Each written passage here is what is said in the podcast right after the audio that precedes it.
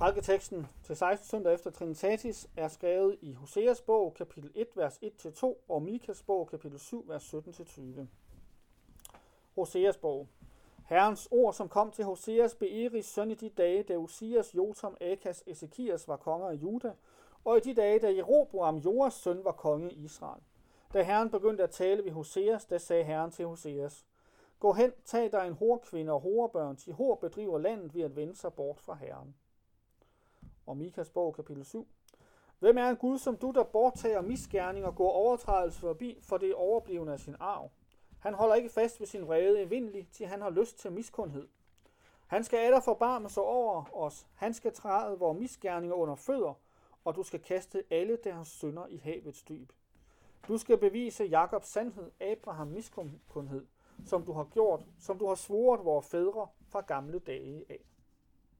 Amen. Hellige Fader, hellig os i sandheden, dit ord er sandhed. Lad det lyse for os på vejen til evig salighed. Amen.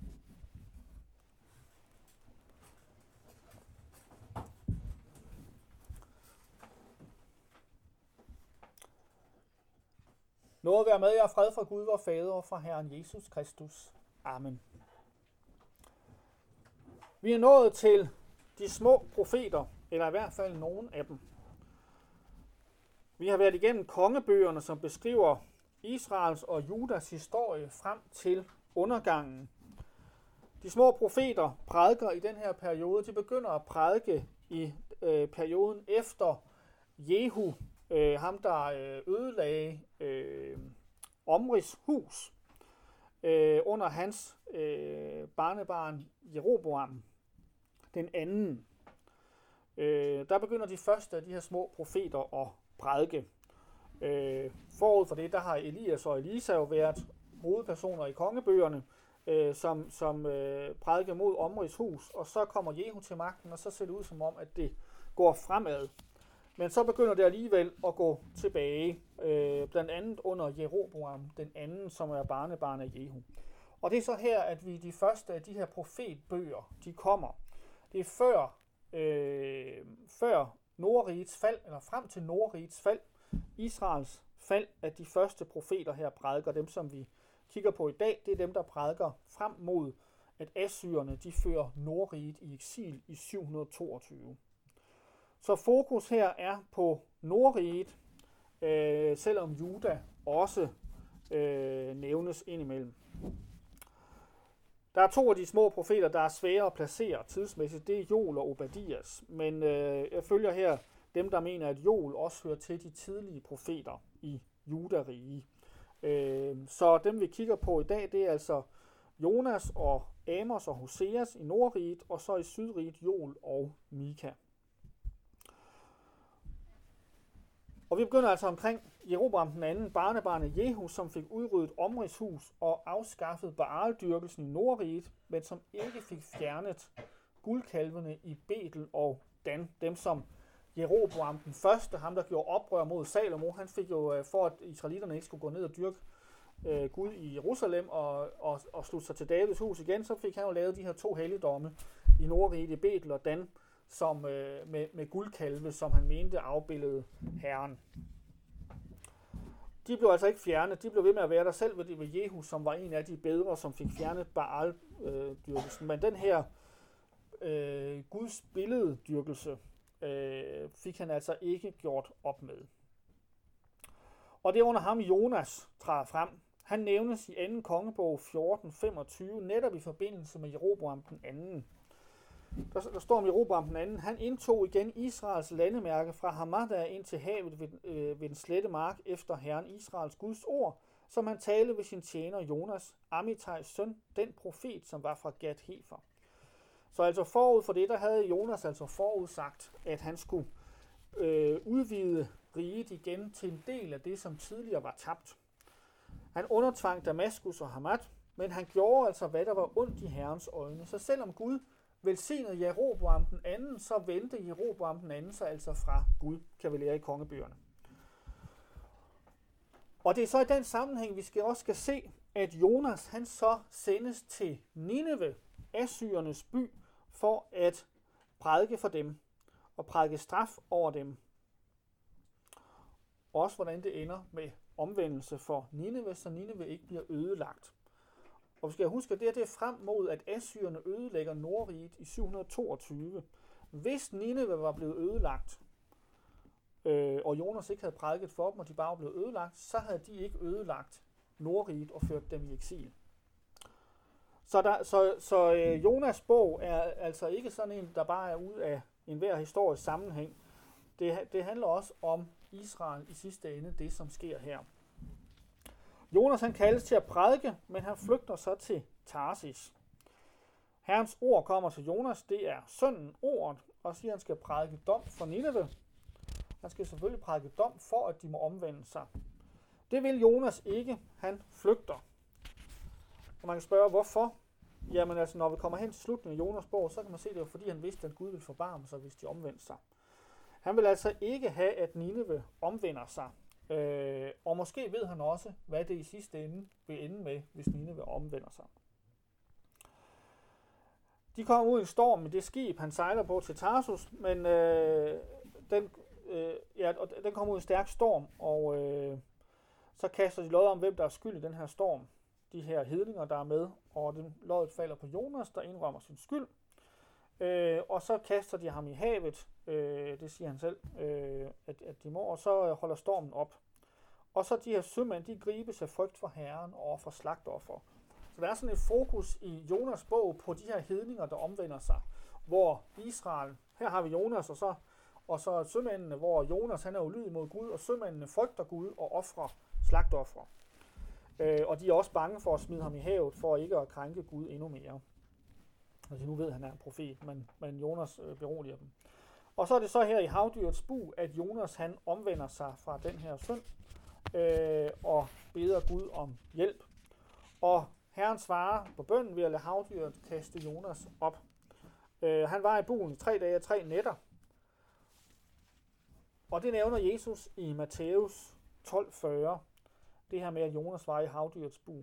Han siger, til ligesom Jonas var tre dage og tre nætter i havdyrets bu, således skal menneskesøn være tre dage og tre nætter i jordens skød.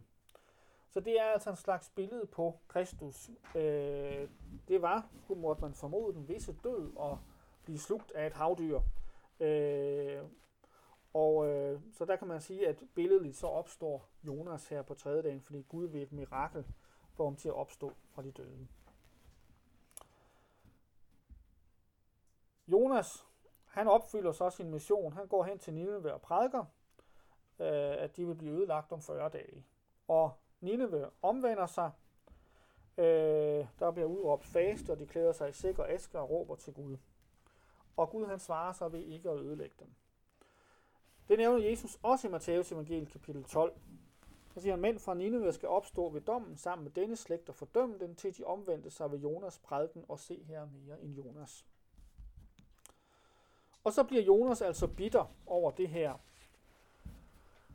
Og så siger han, ak herre, var det ikke mit ord, da jeg var endnu var i mit land? Derfor har jeg ikke vil øh, derfor flygter jeg til Tarsis. Jeg ved, at du er en nåde af barmhjertig Gud, langmodig og stor miskundhed og anger det onde. Og nu, herre, tag dog min sjæl fra mig, til det er mig bedre at dø end at leve. Han er altså vred over Guds barmhjertighed mod assyrerne, mod de her ikke-israelitter. Og Gud spørger ham, hvorfor han er vred, og det bliver der ikke rigtig svaret på, men Jonas han slår sig ned øst for Nineve, og der lader Gud så en olieplante skyde op og skygge for Jonas. Og så lader han så efterfølgende visne, og så bliver Jonas vred igen, og Gud spørger igen, om han har ret til at være vred. Og det mener han, at han har. Og så siger Herren, du ynkes over olieplanten, som du ikke har arbejdet for og ikke fået til at vokse. Det, som blev til på en nat og blev ødelagt på en nat. Og jeg skulle ikke ynkes over Nineve, den store stad, i hvilken der er mange flere end 12 gange 10.000 mennesker, som ikke ved forskel på højre og venstre og mange dyr. Så han i rette sætter altså Jonas for Jonas uvilje mod at lade Nineve frelse. Den handler dels om israeliternes manglende omvendelse og deres hårdmodighed, men også om Nineves omvendelse og om hedningernes omvendelse. Og så er det altså også et forvarsel om Assyrernes magt. Det handler om Guds barmhjertighed mod alle, der omvender sig. Jonas har netop ikke ret til at være vred, når Gud omvender dem, som han har skabt. Her kan vi også tænke på lignelsen om den fortabte søn, og særligt om den ældre søn, øh, som øh, også der er, øh, er jøderne i, i Jesu lignelse, som, som ikke som bliver vred over den fortabte søn, eller de jødiske ledere i hvert fald, den fortabte søn, øh, Øh, får lov at spise med og komme tilbage. Den næste profet, Amos, om ham står der, de ord, som Amos, der var blandt hyrderne fra Tekoa, så over Israel i Juda, konge Usias land, og Israels dage, og Israels konge Jerobams jordsøns dage, to år før jordskælvet. Så det handler altså om de ting, som Amos fra Tekoa, som var i Sydriget, i Judarige, så over Israel. Det var i kong Osias og Jeroboams jordsøns dage. Altså stadigvæk Jeroboam den anden. Han var fra Juda, men skulle profetere mod Israel. Han begynder med at profetere mod folkeslagene i Kanaans land i kapitel 1, 3-2, 16. Der tager han dem et for et Aram, Filistea, Phoenicien, Edom, Ammon, Moab. Og så slutter han af med Juda og Israel for at vise, at de ikke er meget bedre. Så han har det sådan en række domsudsagn, og så ender det overraskende nok med, at han så også inkluderer Juda og Israel for at sige, at de er altså ikke bedre end de andre. Først Juda, vers 4-5, kapitel 2, vers 4-5, og så en lang domstale i Israel, over Israel, kapitel 2, vers 6-16. Øh, hvor han nævner deres forskellige sønder, øh, at de får Nazareeren til at drikke vin, og de nægter deres profeter at profetere. Øh, og så taler han også om dom, at han vil lade grunden vakle, så de må flygte. Og så er kapitel 3-6, det er forskellige øh, domsprofetier mod Israel. Det er faktisk, kan man sige, resten af Amos bog indtil slutningen af kapitel 9. Øh, han fordømmer Israel for deres forkastelse af Gud i kapitel 3, vers 1-15. Øh, der stiller han nogle sådan retoriske spørgsmål. Brøler en løve i skoven, hvis den ikke har byttet, siger han. Eller må der ske en ulykke i en sted, og Herren har ikke gjort den. Øh, og det skal illustrere Guds dom og forudsigelse ved profeterne i vers 7-8. Så Den her herre gør ikke noget, uden at han har åbenbaret sin hemmelighed for sine tjenere og profeterne. Så prædiker han dom over Samaria og siger, at der skal komme fjender, der skal øh, i landet og skal nedstyrte deres magt, det Samarias magt. Det er altså den endelige ødelæggelse af Samaria af Nordriget, han begynder at tale om mere tydeligt end tidligere. Han prædiker dom over Israels manglende omvendelse i kapitel 4, vers 1-13. Øh, først mod overklassens kvinder, der undertrykker de svage. Og så oplister han så en masse plager, Gud har sendt allerede, som svarer til de forbandelser, der er i 5. Mosebog mod øh, Israel, hvis ikke de overholdt loven. Han har skabt mangel på brød, han har holdt regn tilbage, han har ødelagt høsten øh, med kornbrand og græshopper. Øh, han har sendt pest og fjenders angreb. Øh, han har ødelagt dem som Sodom og Gomorra. Men de har ikke omvendt sig, og derfor vil Gud nu gøre, som han gør. Og Israel skal møde sin Gud. Han fortsætter med at prædike dom over Israels manglende retfærdighed og medfølelse i kapitel 5, vers 1-17. Øh, og de første vers her, det er altså som en dødsklage over Israel. Øh, det beskrives som sådan en dødsklage over Israels hus. Og han siger, at de skal søge Herren, de skal ikke søge til Betel, Gilgal og Beersheba. Det var jo forskellige steder, der var falsk gudstyrkelse. Betel, det var det ene af de her to guldkalvsaldre i Nordriget. Han fortsætter med fordømmelsen i kapitel 5, vers 18-27, med dom over falsk gudstyrkelse, og siger, at han vil føre dem hinsides Damaskus. Så er vi lidt tættere på, hvad det, hvor det er, de skal føres hen, uden at assyrerne nævnes direkte her i Amos bog. Så prædiker han dom over ubekymrethed i kapitel 6, vers 1-7, øh, og særligt overklassen, øh, som Gud så som straf vil føre i spidsen for de landflygtige ud og dom over deres stolthed i, i vers, kapitel 6, vers 8-14. I den sidste del af Amos bog, eller næst sidste, der er lige nogle vers til sidst, hvor han prædiker noget og frelse. Men fra kapitel 7 til kapitel 9, vers 10, der har han sådan fem domssyner. Altså øh, fem syner, han ser, som er er billeder på det, der skal ske. Og den første, det er nogle græshopper, der æder alt græsset, og så beder profeten Gud stoppe, fordi hvis de spiser det hele, så kan Jakob, altså Israels folk, ikke bestå. Og det stopper Gud så. Det næste, det er en brændende ild, der begynder at fortære markerne, og profeten beder Gud stoppe igen, og det øh, gør Gud også, sådan at det hele ikke fortæres. Og så den tredje af de her syn, det er sådan et blylod, som man måler mure med. Og der står der, se, jeg vil bruge blylod midt i blandt mit folk Israel. Jeg vil ikke ydermere blive ved med at skåne dem. Men Isaks høje skal ødelægges, så Israels helligdom skal blive øget, og jeg vil rejse mig imod Jeroboams hus med sværet. Og her, her protesterer profeten ikke. Det er altså ikke en fuldstændig ødelæggelse, det her, men de onde i Israel, de skal måles med den her, det her blylod, og Gud vil ødelægge helligdommene og Jeroboams hus. Øhm, og det er formodentlig Jeroboam, den andens hus, der er tale om her. Øh, det kan også gå på den første Jeroboam, som grundlag Nordriget og den her falske gudstyrkelse. Det fører så til et sammenstød, den her øh, profeti med en præst, der hedder Amasja, der ikke vil have, at Amos prædiker. Øh, den, øh, det fjerde syn, det er så en kur med overmoden frugt, øh, der skal smides ud. Øh, og, øh, og det er på grund af samarbejds afgudstyrkelse i Dan og Beersheba, at Nordriget sammenlignes med det. Og så inde i det sidste syn, der ser han herren ved alderet. Og der står ikke, hvad det er for et alder, men det er formodentlig Betel. Øh, hvor herren står på, ved alderet og befaler, at, at, øh, der skal slås til bygningen, så den falder sammen. Øh, og dernæst tales der om den dom, som Israel ikke kan, øh, ikke kan undslippe. Men de skal ikke fuldstændig udryddes, for så står der, se den herre, herres øjne er imod det syndige rige, og jeg vil udslette det af jordens overflade.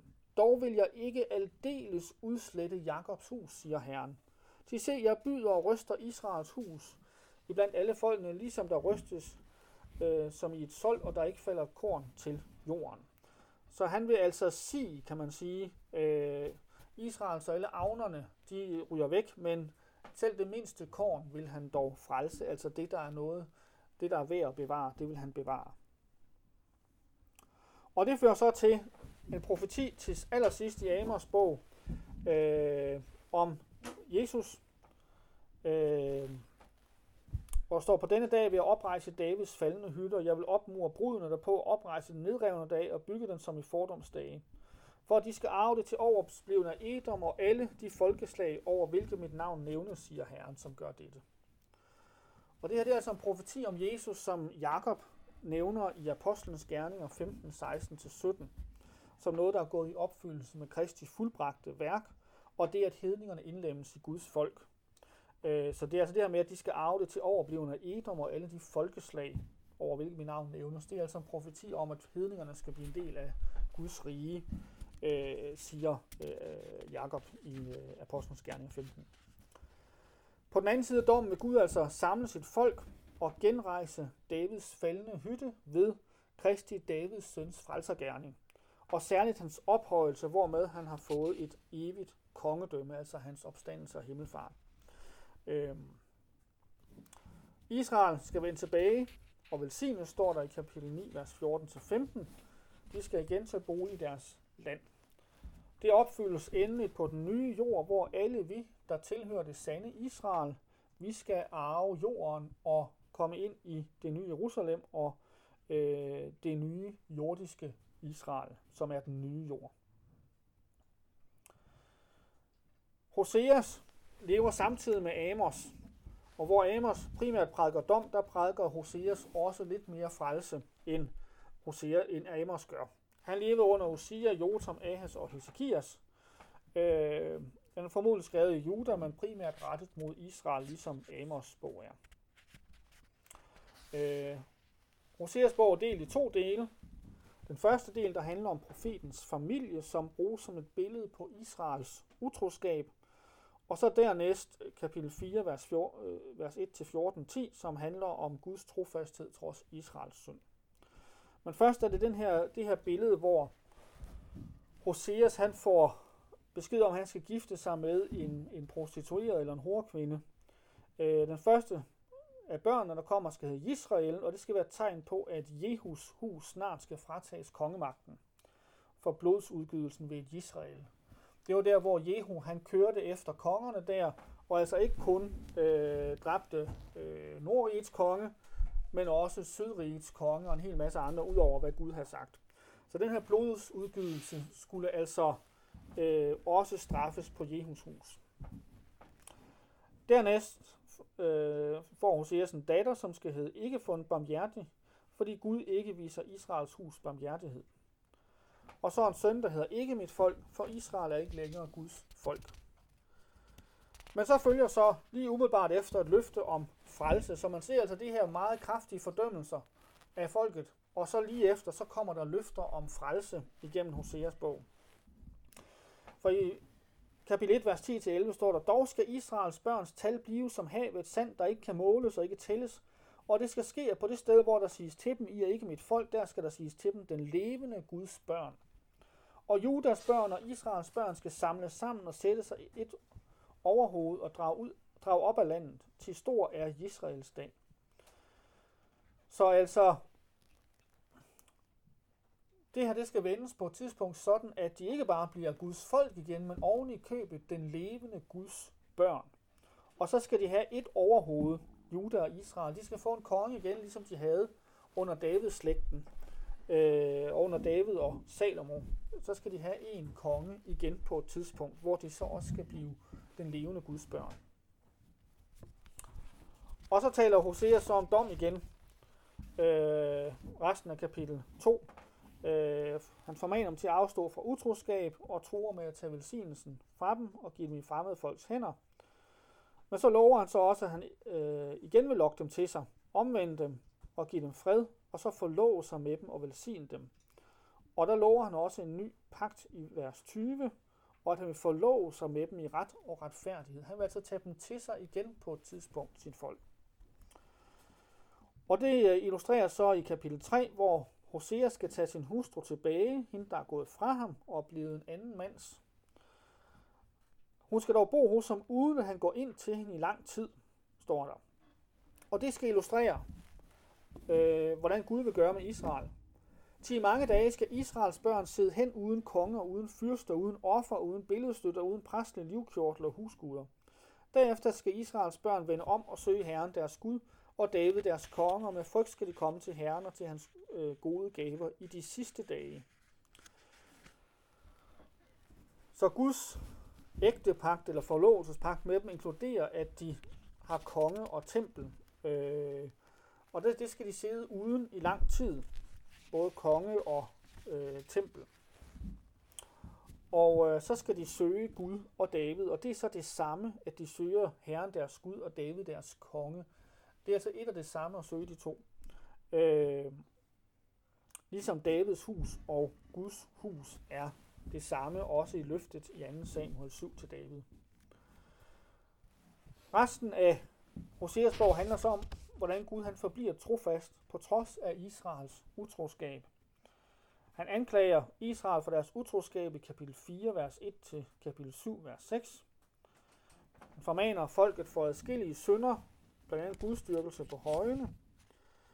Han advarer Judas stamme om ikke at gøre det samme som Israel, og han truer Israel og Juda for deres præster og for folkets afgudstyrkelse og ubudfærdighed og stolthed. Så siger han, at de søger Herren forgæves, fordi straffen kommer. Øh, I kapitel 5, sidste del af kapitel 5. Men Gud alligevel venter på deres omvendelse, vers 15. Og det fører så til en profeti mere i kapitel 6.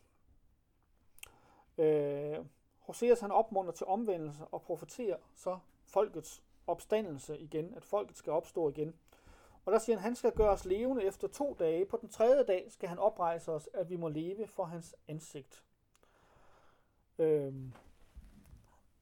Og det opfyldes ved Kristi opstandelse fra de døde på tredje dagen. Det er det eneste der sted, der, der tales om at opstå på tredje dagen. Og i det nye testamente står der, at det er profeteret i det gamle testamente.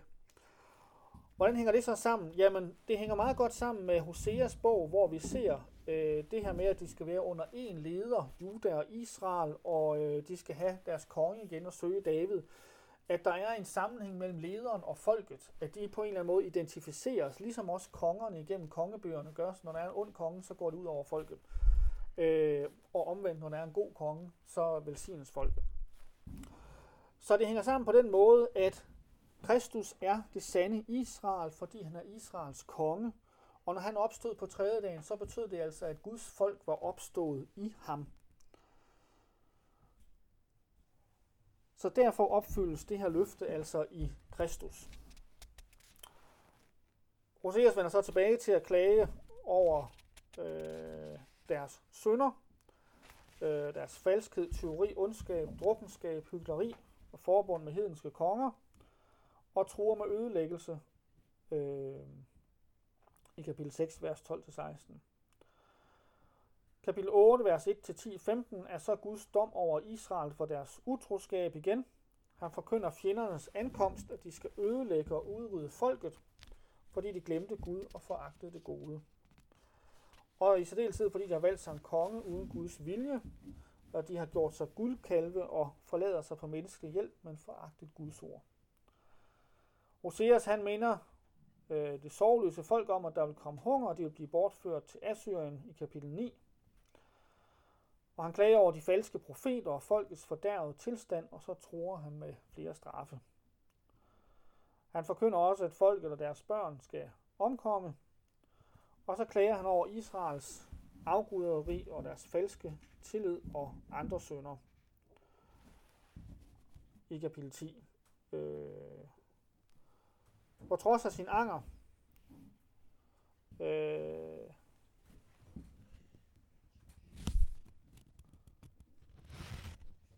på trods af Israels utroskab, så vil Gud elske det og tilgive. Det handler den sidste del af Hosea så om fra kapitel 11, vers 1. Og der står blandt andet, da Israel var ung, der havde jeg ham kær, og fra Ægypten kaldte jeg min søn i kapitel 11, vers 1. Og det citeres i Matthæus evangel 2.15 øh, som opfyldt der, selvom det handler om, da Israel gik ud af Ægypten. Og det hænger måske sammen med det, der står nede i vers 11, øh, om hvordan de skal komme tilbage. De skal komme skælvende som en fugl fra Ægypten og som en due fra Assyrs land. Jeg vil lade dem bo i deres huse, siger Herren. Der profeteres altså en ny udgang fra Ægypten og Assyrien. Øh, og øh, den udgang, den hænger altså sammen med, at Kristus øh, også kom op fra Ægypten, og, og det signalerede, at han, øh, at han ligesom skulle lede denne nye udgang.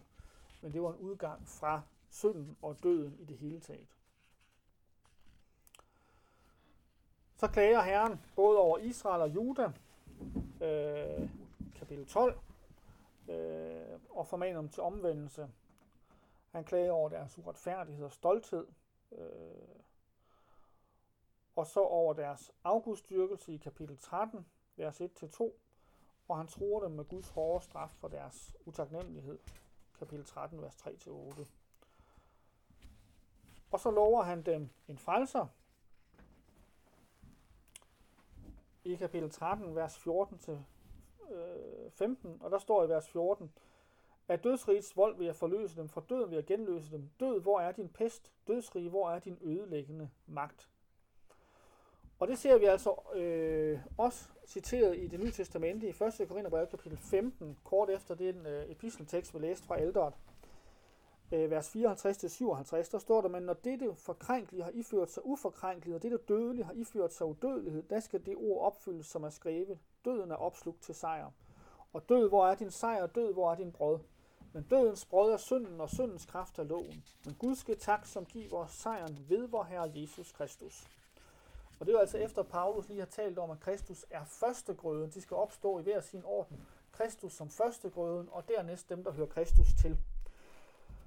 Så det skal vi nok også forstå sådan, at det her opfyldes først i Kristus, ved at han overvinder døden, og så ved at vi får del i det ved vores opstandelse, os der hører Kristus til.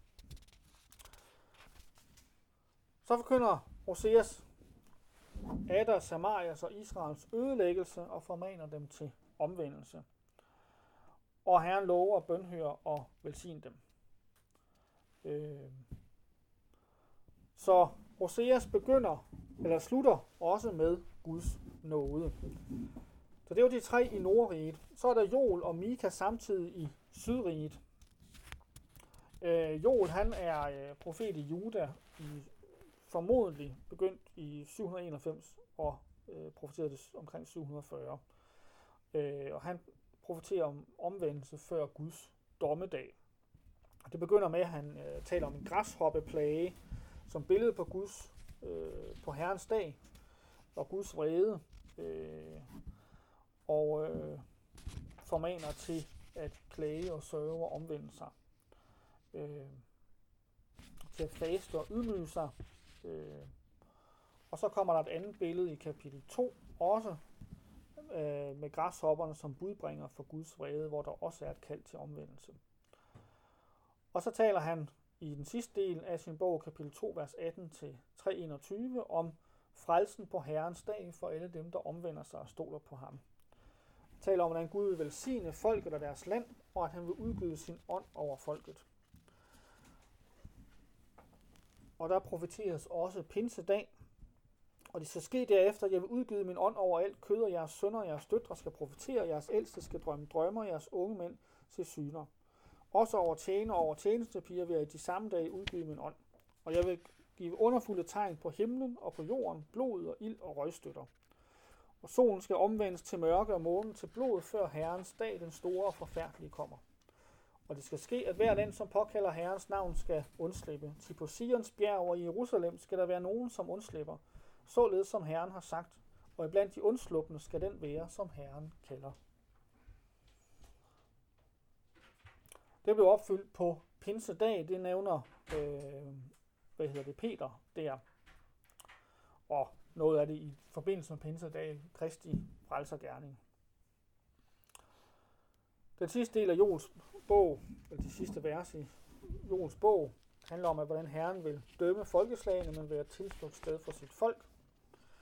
Der står i 3.21, Herren skal brøle fra Sion og lade sin røst lyde fra Jerusalem, og himmel og jord skal ryste, men Herren skal være en tilflugt for sit folk og et værn for Israels børn. Og igen så er det noget, der endeligt opfyldes jordisk, kan man sige, på den nye jord, men allerede åndeligt opfyldes nu i den nytestamentlige kirke. Herren vil velsigne landet og bringe tilgivelse til sit folk. Kapitel 3, vers 25-26. Men Juda skal blive evindelig og Jerusalem fra slægt til slægt. Og jeg vil zone deres blod, som jeg ikke havde zonet, og Herren bor på Sion. Herren vil tage bolig i blandt dem, sådan som han har gjort i sin kirke. Den sidste profet, det er Mika.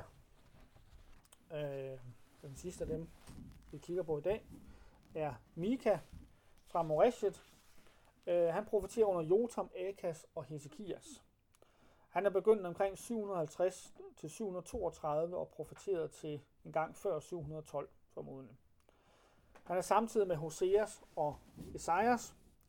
Han nævnes i Jeremias bog, kapitel 26, vers 18 og han profeterer blandt andet Assyriens fald i kapitel 1, vers 5-7, så han lever altså før Assyriens fald.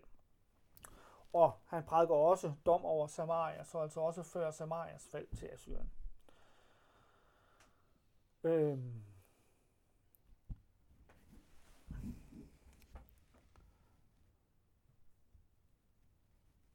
Han forkynder såvel det israelitiske riges undergang som Judas lands og byers ødelæggelse. Øh, han profeterer dom over dem, der planlægger ondskab i kapitel 2, vers 1-5, og har nogle vedråb over jødernes uretfærdighed. Han prædiker dom over de falske profeter, kapitel 2, vers 6-11, og så profeterer han også om udfrielse af Jakob og folkets endelige øh, genoprejsning i kapitel 2, vers 12-13. Så han forkynder altså også Israels frelse. Så profeterer han dom over lederne i kapitel 3, vers 1-12. Øh, både fyrsterne og profeterne. Øh,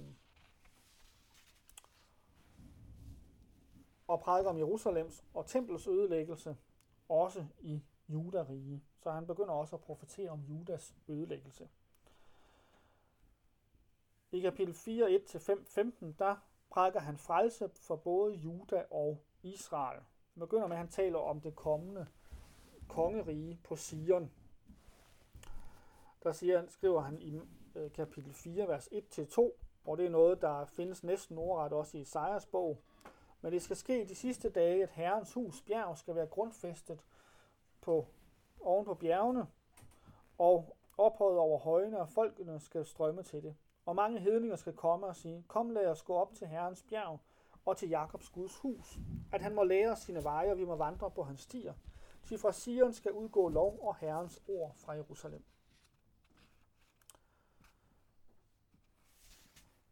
Han forkynder også for jøderne, at de skal lide en tid i det babylonske fangenskab, men at Herren skal genløse dem derfra.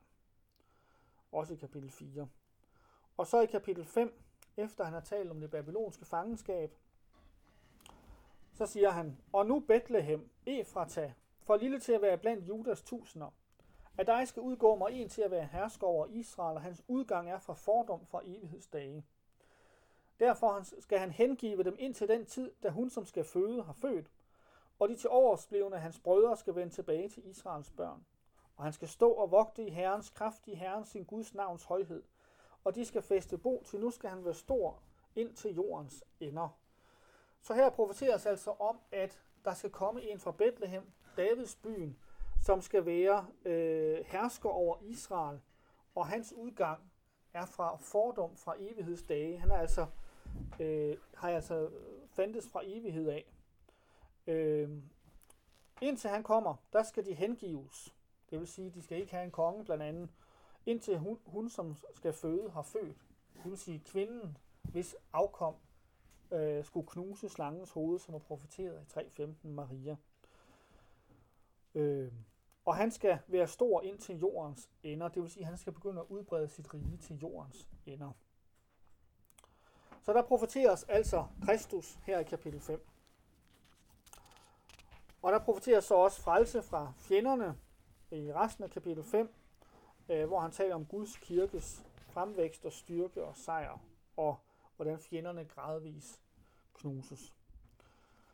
Så i kapitel 6, der vender han tilbage til at anklage Israel, øh, taler om deres utaknemmelighed, og hvordan Gud forkaster deres ofre, øh, fordi de ikke ofrer i bodfærdighed. Og så om den kommende dom, øh, om hvordan også hvordan øh, Nordriget skal i eksil. Og så slutter øh, Mikas bog i kapitel 7 med, at fortvivlelse ændres til håb. Mika fortvivles over Judas synd. Han klager over jødernes fordærvelse. Og så råder han de gudfrygtige til at forlade sig på Gud alene. Og de sidste vers er så en bøn til Gud om at beskytte og tilgive folket. Øh, og handler også hvordan, om, hvordan hedningerne de skal øh, ydmyges, og jorden skal blive øget, men Herren har, øh, vil give sit folk barmhjertighed og forladelse. Så det handler altså også om, hvordan hedningene kristne de bliver en del af Israel, men de, der ikke gør, og de øh, israelitter, der har vendt sig mod Gud, de til sidst skal besejres.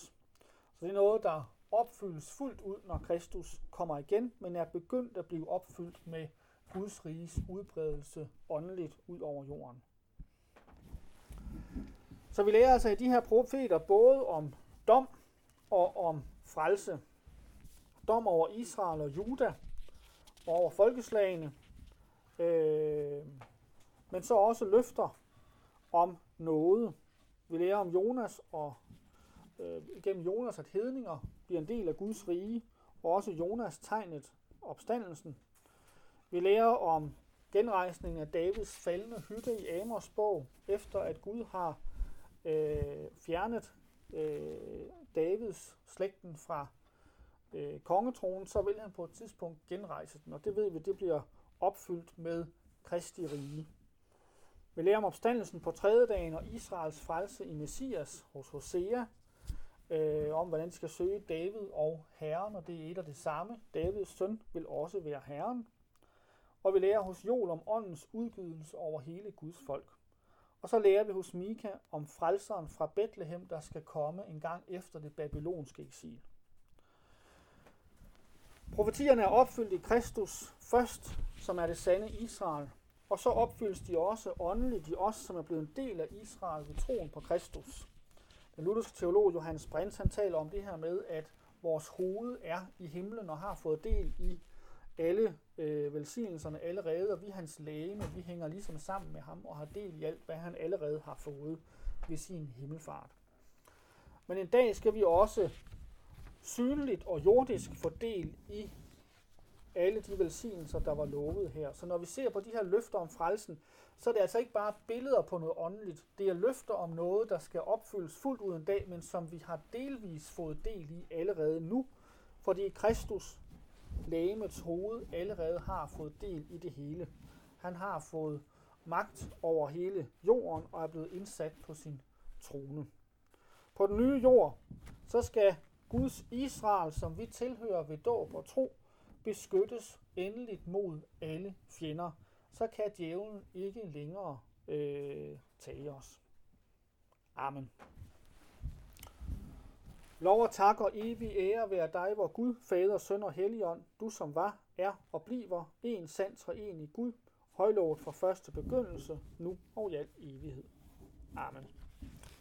Lad os med apostlen tilønske hinanden. Hvor Herres Jesu Kristi nåde, Guds kærlighed og Helligåndens samfund være med jer alle. Amen.